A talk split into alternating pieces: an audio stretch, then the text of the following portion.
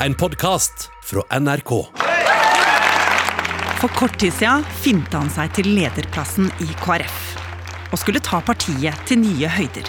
For Kjell Ingolf Ropstad er det vinn eller forsvinn. Nå er det hans jobb å gjenreise partiet som nesten gikk opp i sømmene. Jeg eh, er stolt og glad over viktige og gode KrF-gjennomslag i denne plattformen. I stedet endte han opp med å måtte si fra seg toppjobben og få Økokrim på nakken. Hvordan endte det slik for kristenpolitikeren Kjell Ingolf Ropstad? Du hører på Oppdatert. Jeg heter Ragna Nordenborg. I 2019 så fikk KrF en ny leder etter en ganske intens maktkamp innad i partiet. Ina Swan er journalist i Oppdatert. Det som hadde skjedd, det var at Knut Arild Hareide han hadde takka nei til å sitte i regjering med Erna, fordi han heller ville samarbeide med de rød-grønne. Men det var ikke den lovende nestlederen Kjell Ingolf Ropstad enig i. Så det han gjorde, det var at han prøvde å få partiet til å endre mening, om å likevel gå inn i en borgerlig regjering. Og for å få til det, så hadde Ropstad bl.a. samtaler med Høyre, uten at Hareide visste om det. Og like etterpå så åpnet jo Erna opp for å stramme inn abortloven. KrF vil som kjent endre paragraf 2c i abortloven. og Det som skaper strid, er at Erna Solberg før landsmøtet i KrF sa at hun kunne støtte et forbud mot tvillingabort. Hun sa også at hun er åpen for å endre denne paragraf 2c. Og det var det jo mange i KrF som likte tanken på. Kanskje var det det her som bikka partiet over til borgerlig side, for det hele endte jo med at Hareide han tapte. Ropstad tok over plassen som leder, og han ble også statsråd i en ny borgerlig regjering. Ropstad får det som han vil. Fra å bare være nestleder skal han nå lede partiet til regjeringsmakt. Det er veldig spesielt. Eh, heldigvis har jeg fått være med på mye og lært mye underveis. sånn at jeg føler meg godt nok forberedt til det, men, men jeg hadde ikke sett dette komme. Og posisjonen som leder i KrF, den var det jo mange som tenkte at Ropstad skulle ha en stund. Ja. Men like før eh, valget i år så fikk noen gravejournalister i Aftenposten et tips om å se litt nærmere på Ropstad. Så de begynte å undersøke. Og det de fant ut, det skulle føre til at eh, tiden på toppen av Kristenpartiet ble mye kortere enn forventa for eh, Ropstad. Mm. For rett før vi alle gikk til valgurnene, så slapp Aftenposten en bombe. Hva var det? Jo, den morgenen i avisa 5.9 så kunne man lese at Ropstad i årevis hadde utnytta et smutthull i Stortingets regelverk. regelverk. Han hadde nemlig hatt en pendlerleilighet på skattebetalernes regning i ti år, uten egentlig å ha pendla. I hvert fall ikke i vanlig forstand. For disse pendlerboligene som Stortinget betaler for, de er jo ment for politikere som faktisk bor ute i distriktene og må pendle inn til hovedstaden på jobb. Mens Ropstad han gjorde jo ikke det. Han bodde ikke hjemme. Han hadde bare beholdt folkeregistrert adresse hjemme hos foreldrene sine, samtidig som han eide en tomannsbolig bare ti minutter med tog utafor Oslo, i Lillestrøm. Og ikke bare det, han hadde også bodd lenge i Oslo og på et tidspunkt også eid en leilighet i gamlebyen. Men hvorfor i alle dager fikk han pendlerbolig da? Jo, dette handler om noe som blir kalt for gutteromsunntaket. Det er en eh, regel som sier at de uten egen bolig i hjemkommunen også kan få lov til å ha pendlerbolig. Så lenge de har adresse på hjemstedet. Hm. Og derfor kunne Ropstad flytte inn med kjæresten i en pendlerbolig betalt av Stortinget, mens han leide ut denne tomannsboligen han eide i Lillestrøm. Og dette gjør han helt fram til 2020, men så, først etter ti år med gratis pendlerbolig, så melder Ropstad flytting fra gutterommet til egen bolig. Han kjøper seg hus på Nordstrand i Oslo til 12,5 millioner. Og dette avslørte altså Aftenposten bare noen få dager før valget i år. Og reaksjonene var sterke. Dersom Nav hadde hatt Kjell Ingolf Ropstad å gjøre, så ville de ikke ha tenkt at et sånn type smutthullutnyttelse kunne gått helt fint. Tvert imot ville de forfulgt Kjell Ingolf Ropstad til helvetes porter for å få tilbake de pengene som han nå har utnytta fra fellesskapet. Som vi hører så fikk jo det her eh, veldig mye kritikk. Eh, for selv om Ropstad ikke hadde brutt noen regler, så sa jo til og med Erna at det var dumt at en politiker som Ropstad benytta seg av ordninger som ikke egentlig var ment for han. Og det viste seg jo også at det var jo ikke bare Ropstad, det var jo også andre politikere som også hadde gjort det samme for å kunne bo gratis uten at de egentlig pendla. Også Arbeiderpartiets stortingsrepresentant Tellef Inge Mørland har fått gratis pendlerbolig i Oslo av Stortinget, selv om han eier en leilighet i hovedstaden. Og Ropstad han beklaga seg jo, og sa at han skjønte at ordningen virka urettferdig, men at han ikke kom til å betale noe tilbake fordi han ikke hadde brutt noe regelverk. Jeg er lei meg for denne saken, og vi som politikere forvalter innbyggernes tillit, og da skal vi gjøre ting på en, på en skikkelig måte. Og dette her kom jo frem rett før valget, og alle var jo veldig spente på hvordan dette kom til å påvirke valgresultatet til et eh, ganske hardt pressa KrF. Ja, og det her måtte jeg jo snakke med Magnus Takvam om, politisk kommentator i NRK. Det var jo ingen god sak. Eh, men når valgdagen kom, eller rundt valgdagen, så lå jo også KrF på de fleste målingene allerede eh, i nærheten av eller under sperregrensa. Så jeg tror ikke den hadde noen sånn stor eh, utslagsgivende effekt på selve valget. Og i partiet så hadde de fortsatt tillit til Ropstad som leder. Det hadde de aller fleste, det er det ingen tvil om, i, i denne fasen av saken.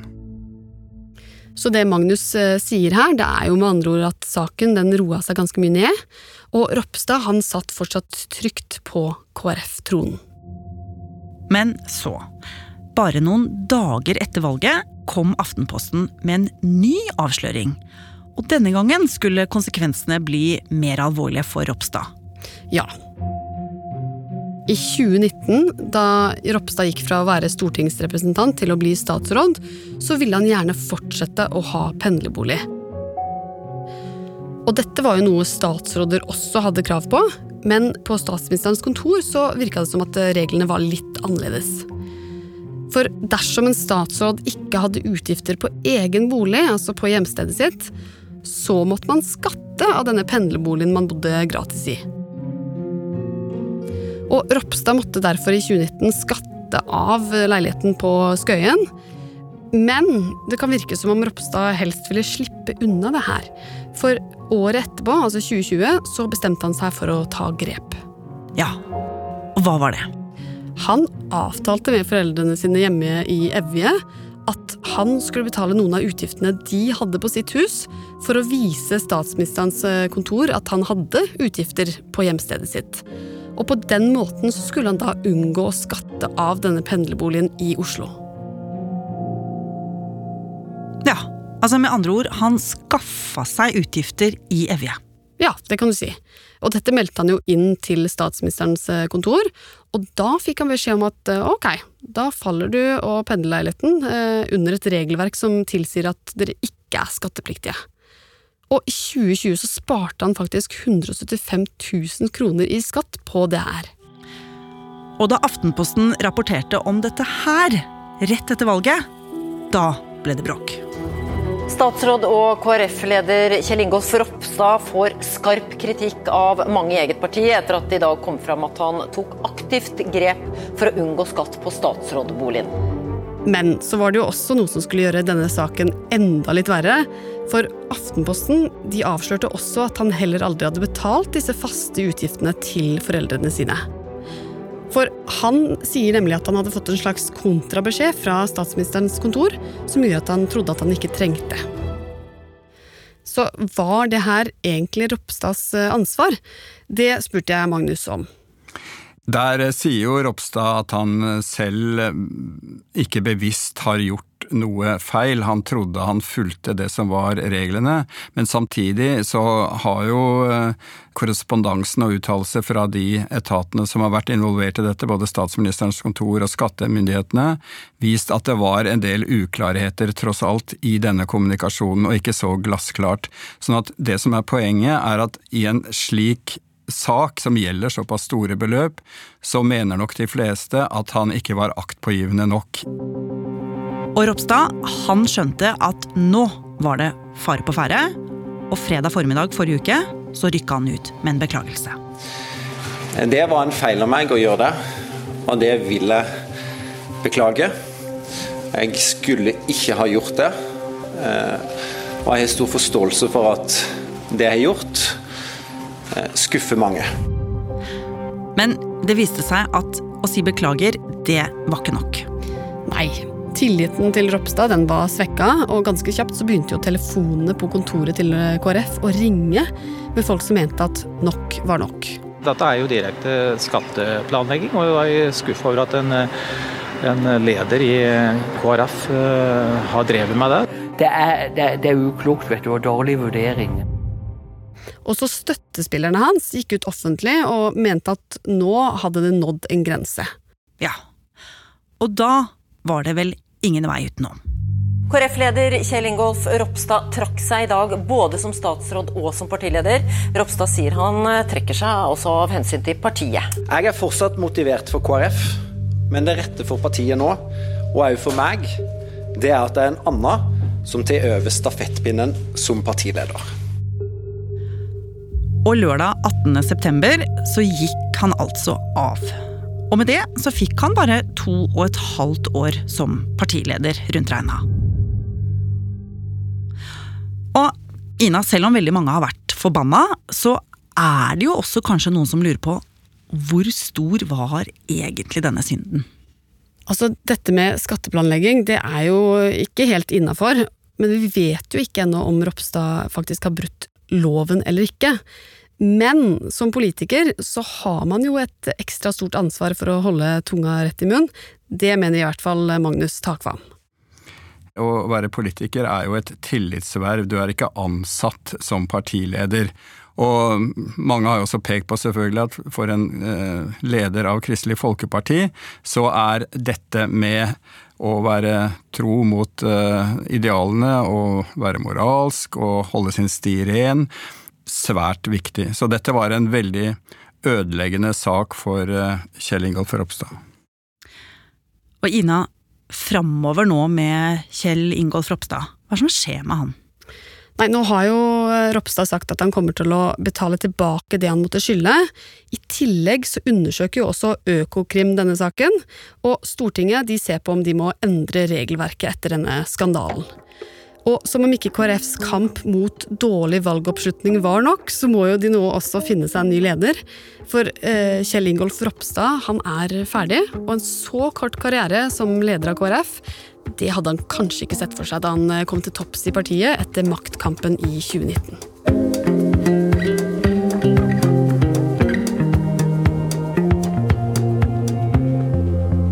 Har du lyst til å bli fast lytter av oss i Oppdatert og få påminnelse om nye episoder, er det bare å følge oss i NRK radioappen.